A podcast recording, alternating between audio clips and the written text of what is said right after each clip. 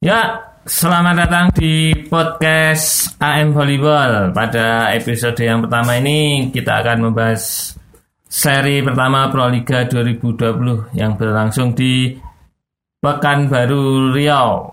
Uh, kali ini saya akan membahas dengan Bung Agung yang sama-sama pemerhati ya, dan suka menganalisa pertandingan-pertandingan bola voli.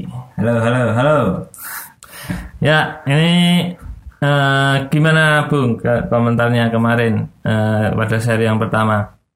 Ya, menurut saya ini lumayan menjanjikan ya Proliga tahun ini karena pertandingannya cukup seru dan cukup ketat-ketat, tidak seperti kemarin yang ada tim yang overpower. Hmm, ya, ini uh, lumayan seru menurut saya juga sama pendapat Nah, yang menarik pada seri pertama ini tidak ada tim yang kalah 3-0 langsung ya. Ya benar, itu paling cepat.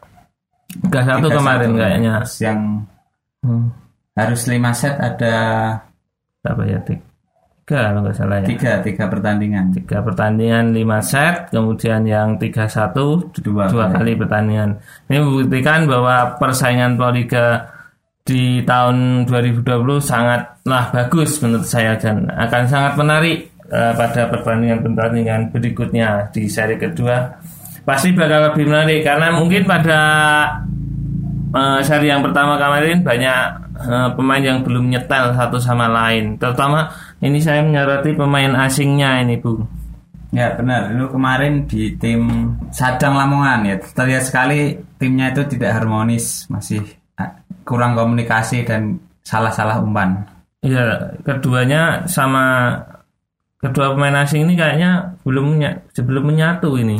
Padahal ini merupakan tumpuan tim Sadang ya karena posisinya sebagai outset, dua-duanya sebagai outset dan mungkin uh, di cadangan hanya pemain pemain seadanya lah namanya pemain-pemain lokal dari Yuso mungkin ya itu. Hmm. Tapi itu menurut saya belum layak untuk jadi inti kalau sekelas Proliga.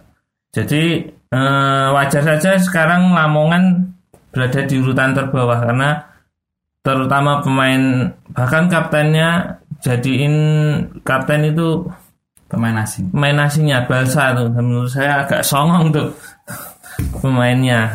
Ya songong. tipikal pemain Eropa. Eropa Timur kan pasti gitu sombong. Kan tapi kalau Douglas itu menurut saya lumayan fighting spiritnya bagus tapi dari segi kualitas juga kurang bagus menurut saya.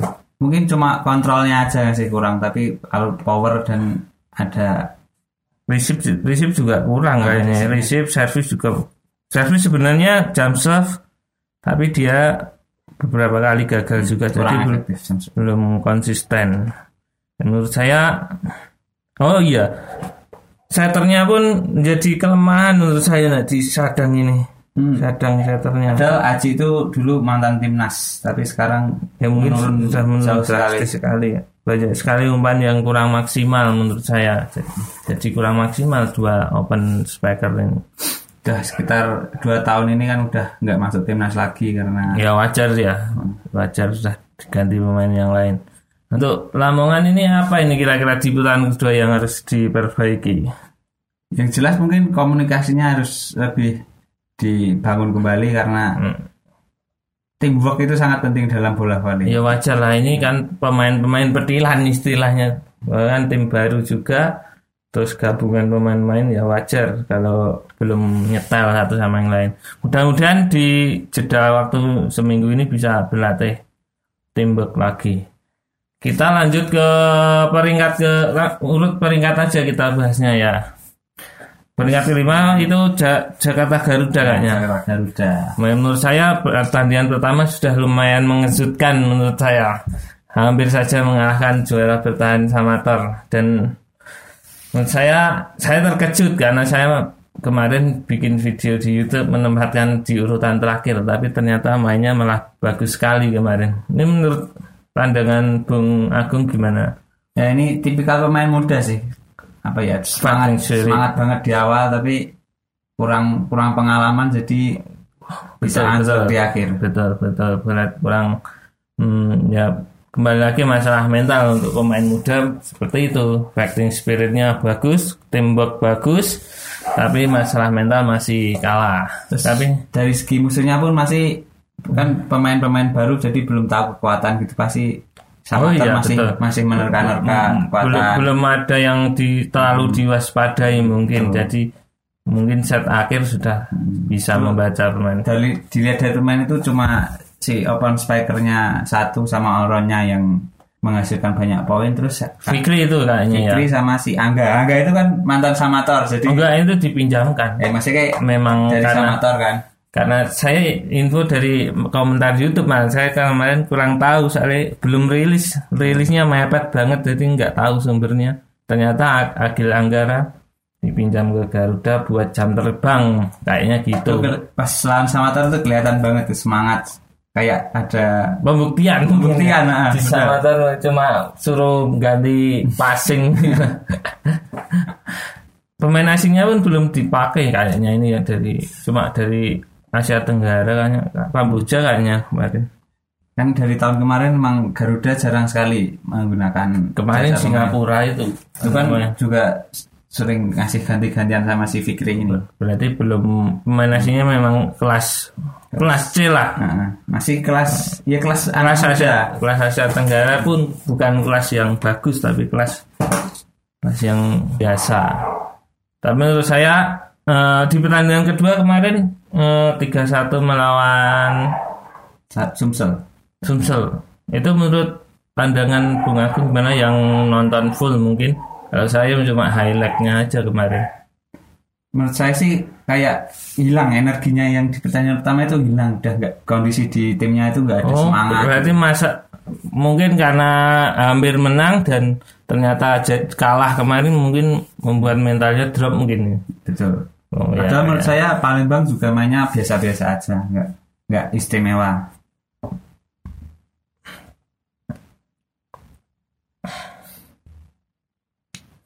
Tapi untuk Garuda ini eh, cukup memberikan apa ya perlawanan sengit dari untuk tim-tim lain. Jadi eh, saya tak tetap mendukung kalau anak-anak muda seperti ini tetap mendukung karena harus diapresiasi juga karena mengembangkan bakat muda dan terbukti kemarin melahirkan Fahri dan Sandiaga Sandi Akbar yang sudah laku di tim-tim Proliga lainnya yang mungkin kontraknya mungkin lebih besar mungkin sekarang dan itu patut eh, diapresiasi. JPE Lanjut ke peringkat yang keempat yaitu Jakarta Pertamina Energi.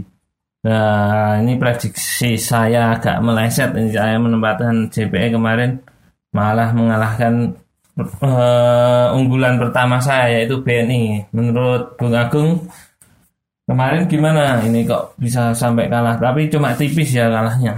yaitu terutama sih faktor fisik ya udah di pertandingan pertama udah 5 set lagi udah kram-kram juga terus Sedangkan nggak ada jeda langsung main lagi lawan JPE oh maksudnya dua hari itu langsung ya? berturut-turut Padahal kemarin eh, JPE eh, baru bermain sekali itu ya. yaitu Dan pertandingan pertama Itu tetap lebih diuntungkan apalagi ini 5 set kembali yang dimainkan.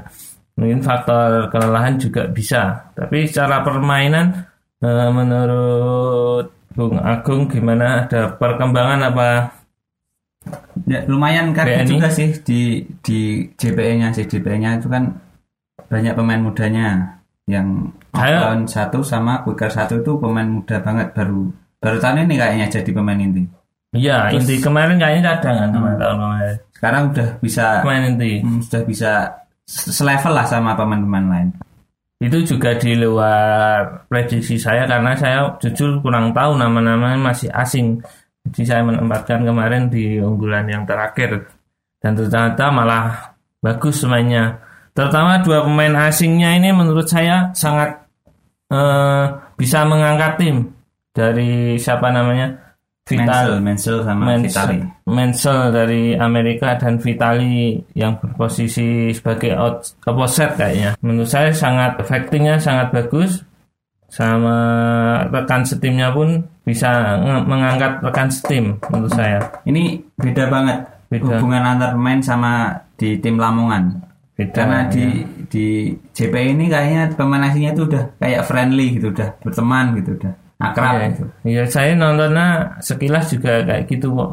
Dari segi selebrasi pun kelihatan ya sama Selebrasinya udah bareng-bareng. gitu. bareng-bareng dah kayaknya sangat puas enggak kayak balsa lagi-lagi ke balsa kayak angkuh sekali membuat pelatihnya pun kayaknya ngasih tahu bahasa Males. kayak takut gitu mungkin nggak bisa bahasa Inggris nggak tahu sih. Nah, kalau JPI kelemahannya apa ya? Tadi eh, di dua tema. Awal ada kelemahan-kelemahan yang sudah dibahas. Kalau menurut Bung Agung kelemahan JPI ini apa ya kan saya nggak nonton full. Berarti belum nemu ini belum nemu, ya, belum. bagus berarti menurut Lumayan-lumayan lah, lumayan bagus lah. dari segi servis bagus bagus. Hampir semuanya menyerang. Dan mungkin DP ini malah kandidat serius ini buat masuk ke ke final four malah. Ya lanjut ke tim BNI tim BNI ini saya mengunggulkan BNI ini untuk menjadi juara ini BNI tapi malah kemarin eh, sempat keteteran mainnya kayaknya. Mas kayak gimana ya? Kurang puas sih saya menurut saya pribadi me- melihat permainan BNI nggak tahu apa penyebabnya. Tapi menurut saya dua pemain asingnya pun kurang bagus. Sa- Kamejo menurut saya menurun permainannya. Nggak nggak seperti tahun kemarin kayak berat gitu lompatnya. Itu, menurut Bang Agung gimana? Itu mungkin faktor umur juga itu mungkin. oh 30 31 oh iya. Mungkin masalah umur juga dan dia membawa quickernya kayaknya adiknya ini namanya sama. Malah lebih tua. Kakaknya malah. Malah kakaknya. 83 berarti umur berapa itu? 30 tujuh tak kirain adiknya. Ya wajar saja permainannya tidak bagus-bagus amat. Menurut saya enggak enggak terlalu berkontribusi. Menurut Ya. Bung Agung gimana yang nonton BNI kemarin? Ya betul. Diumpan pun jarang kayaknya ya. Kalau si quickernya itu emang jarang diumani kan sekalipun diumani kayaknya biasa aja smashnya enggak. Oh gitu? Enggak, sama enggak jaminan poin gitu loh. Oh.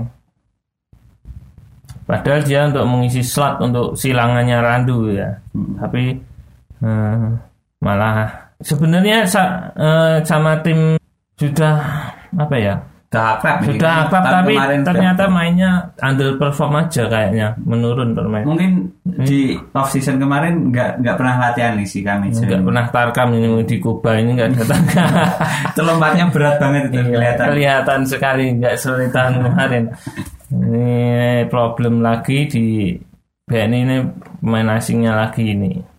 Terus si Doni itu juga kenapa itu di timnas kemarin bagus banget? Kemarin mainnya Ya, biasa Doni aja. mainnya kurang bagus menurut saya. Hampir sempat kram juga ya di pertandingan pertama atau kedua itu sempat kram juga.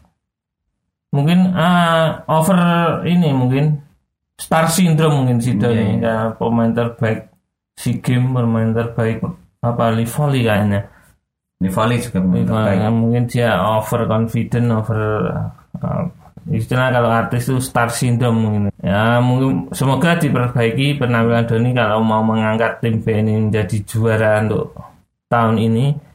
Menurut saya harus diperbaiki karena kualitas pemain asingnya kurang bagus menurut saya. Ya lanjut ke tim eh peringkat ke dua. yaitu Bang Sumsel Bang Sumsel ini baru main per sekali tapi dia berhasil mengalahkan Jakarta Garuda. Hmm, sebenarnya saya kurang mengunggulkan Bang Sumsel kemarin saya tempatkan di unggulan keempat, eh keempat ke peringkat keempat. Gimana ini permainan Bang Sumsel kemarin? Ya masih belum bisa di diuji sih karena kan cuma lawannya cuma Garuda yang udah capek satu ya, secara mental capek, secara Fisik juga capek. fisik juga capek. Karena mungkin kalau pemain muda kalah itu kecewanya masih kecewa sekali kalau pemain muda. itu pun skornya pun juga tipis Tipis Set dua- pertama dua- kayaknya dua- dua tiga puluh dua Ya, delapan ja- Eh, Palembang ini eh, kita langsung ke pemain asingnya aja. Eh, kedua outsetnya, open spec-nya atau open spec-nya itu Fahri dan Fahri Sandi bergantian. Kemudian Julianta. Julianta itu sudah lumayan pengalaman. Kemudian quickernya lokal juga, Vandim dan Gunawan. Kemudian setternya setter Kawak juga, Kawakan juga, Adi. Trio Bali ini pasti seringnya bermain dalam satu tim. Nah, menurut saya manasnya lumayan bagus. Arojo yang tahun kemarin juga ikut Palembang Bang Sumsel bagus itu lumayan bagus. Gimana menurut Bung Agung kemarin? Ya mungkin ini apa ya salah satu contoh pemain asing yang tepat lah untuk diambil. Itu servisnya bagus, sering ace, terus speknya juga itu Poin. tangan kita ya ya. Kan? Ya, salah satu yang penampil pemain asing terbaik ini di Proliga 2020 itu Arojo untuk kelemahannya apa ya ini paling belum kelihatan kayaknya ya? Belum kelihatan. karena kurang perlawanan mungkin sama Mungkin besok kalau lawan sama BNI itu pasti kelihatan Kelihatan ya. bakal- ya mungkin nanti kita bahas di putaran yang kedua. Terus kita bahas ya ini Samator ini. Juara bertahan. juara bertahan peringkat pertama di putaran pertama. Terus terang saya eh, gak nyangka bisa eh, di peringkat pertama karena kemarin lawan Garut. Saya kebetulan nontonnya pertandingan pertama itu Samator mainnya uh jelek banget itu. Kayak nggak ada, nggak niat gitu kayak Kayak- niat volley. mungkin kontraknya kecil kalau itu. Kalau di tim yang lain besar kalau tim kalau dengar-dengar di Samator malah kecil ini kayak pemainnya males-malesan kayak. Nah, di sini saya juga menyoroti kedua pemain asingnya eh, si siapa itu yang open spec Sanchez kayak namanya. Itu menurut saya jelek banget sih. Menurut saya penampil pemain asing paling jelek menurut saya. Di pertandingan pertama pun pertama pun dia digantikan Bayu pada set kedua atau ketiga itu diganti Bayu itu membuktikan kalau ini ngambil dari mana sih pemain ini? Ini dari mana sih Kayaknya ini kan sama tuh lokalnya udah cukup mumpuni ya. Jadi pemain asing itu cuma kayak pelengkap. Nah, kan memenuhi syarat aja gitu kayaknya. kualitasnya malah di bawah pemain kita. Kemarin diganti terus terang saya lihat itu receive berapa kali terus melenceng itu langsung diganti. Itu menurut saya memalukan. Pemain asing receive melenceng itu sangat-sangat memalukan. Itu kalau sekali sih oke nggak apa-apa kan ini kayaknya tiga kali kemarin kalau nggak salah Itu pun kayaknya cuma floating ya. Oh enggak, Jamsok. Jamsok. Kayaknya mau bisa dicek di Helek aja. Menurut saya walaupun Jamsok sih kalau melenceng sampai penonton sih itu tiga kali ya. Kalau satu kali sih wajar, kalau tiga kali berarti emang buruk dia. Terus yang kedua itu eh, lagi-lagi Samator nggak tahu nih ngambil dari mana setternya ini. Dari Brazil. Pemain Ngambil muda ini pemain muda masih muda. masih muda, masih du- 25 tahun. Lukas Allen Silva. Tapi lagi-lagi jadi cadangan. Buat apa kontrak pemain mahal-mahal cuma jadi cadangan? Menurut saya sama tahu nggak tahu ini. Lagi-lagi ambil pemain cuma Mungkin- jadi cadangan. Kayak Nicholas di tahun kemarin. Jadi cuma masuk itu di saat-saat genting aja dan jadi kunci gitu. Mungkin gitu. Nah, dan menurut saya sih hmm, kurang tepat kalau gitu. kalau melihat perkembangan Nizar terutama di SEA Games kemarin menurut saya eh, tidak perlu pelapis yang terlalu bagus menurut saya. Yang dibutuhkan menurut saya malah quicker atau libero kalau di Samator itu. Quickernya Hadi pun label timnas tapi mainnya kayak bingung kemarin kayaknya. Menurut Bung Agus kemarin gimana itu? Ya, saya juga menyoroti Hadi itu. Hadi beberapa kali digantikan juga kalau nggak salah. Servisnya aja jarang masuk. Terus spike-nya juga lemah banget. Mungkin cuma bloknya yang agak unggul sih Hadi itu. Ya kalau secara tinggi badan kan dia eh, nggak terlalu tinggi sebenarnya 194 94. tapi bloknya lumayan tinggi Kalau si setternya ini coba dimasukkan untuk Servis kemarin. Servis. Dua, dua pertanyaan cuma buat servis. ah, buat apa yang bayar mahal? Servisnya aja cuma floating. bayar ratusan juta bahkan sampai miliaran mungkin cuma buat servis kan sayang itu atau mungkin cari yang murah mungkin ya Tapi- kurang tahu Anehnya itu si Lukas ini kan dijadikan kapten ya. Saya lihat kemarin juga di pas time out gitu dia masih tahu ngasih tahu teman-teman teman-temannya gitu. memang pada tahu bahasa Inggris mungkin dia bisa bahasa Jawa mungkin. ah, ah, ini tim Samator tuh Aneh menurut saya. aneh menang teamwork aja karena pemain-pemainnya sudah lama main bareng jadi dan Orangnya itu itu Oh, terus. ya, jadi unggulan dari Samatar dari tim lain, tim lain hampir semuanya petilan. Nggak ada yang tim lama seperti Samatar. Jadi ini yang membuat unggul.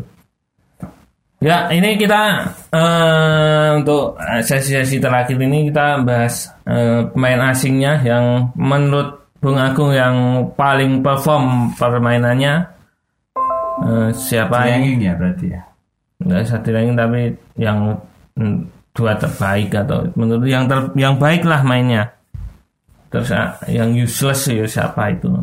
Menurut saya yang dua terbaik itu Araujo-nya Sumsel sama Menzelnya JPE itu Iya. kelihatan banget kontribusinya di tim masing-masing. contoh untuk tim pemain asing pe- permainannya bisa maksimal seperti itu juga sangat menguntungkan untuk timnya terus untuk pemain asing yang eh, underperform atau bahkan nggak Iya. kontribusi sama sekali sama tim apa ini? siapa ini menurut anda? Jelas banget itu si dua dua asing di Lamongan itu.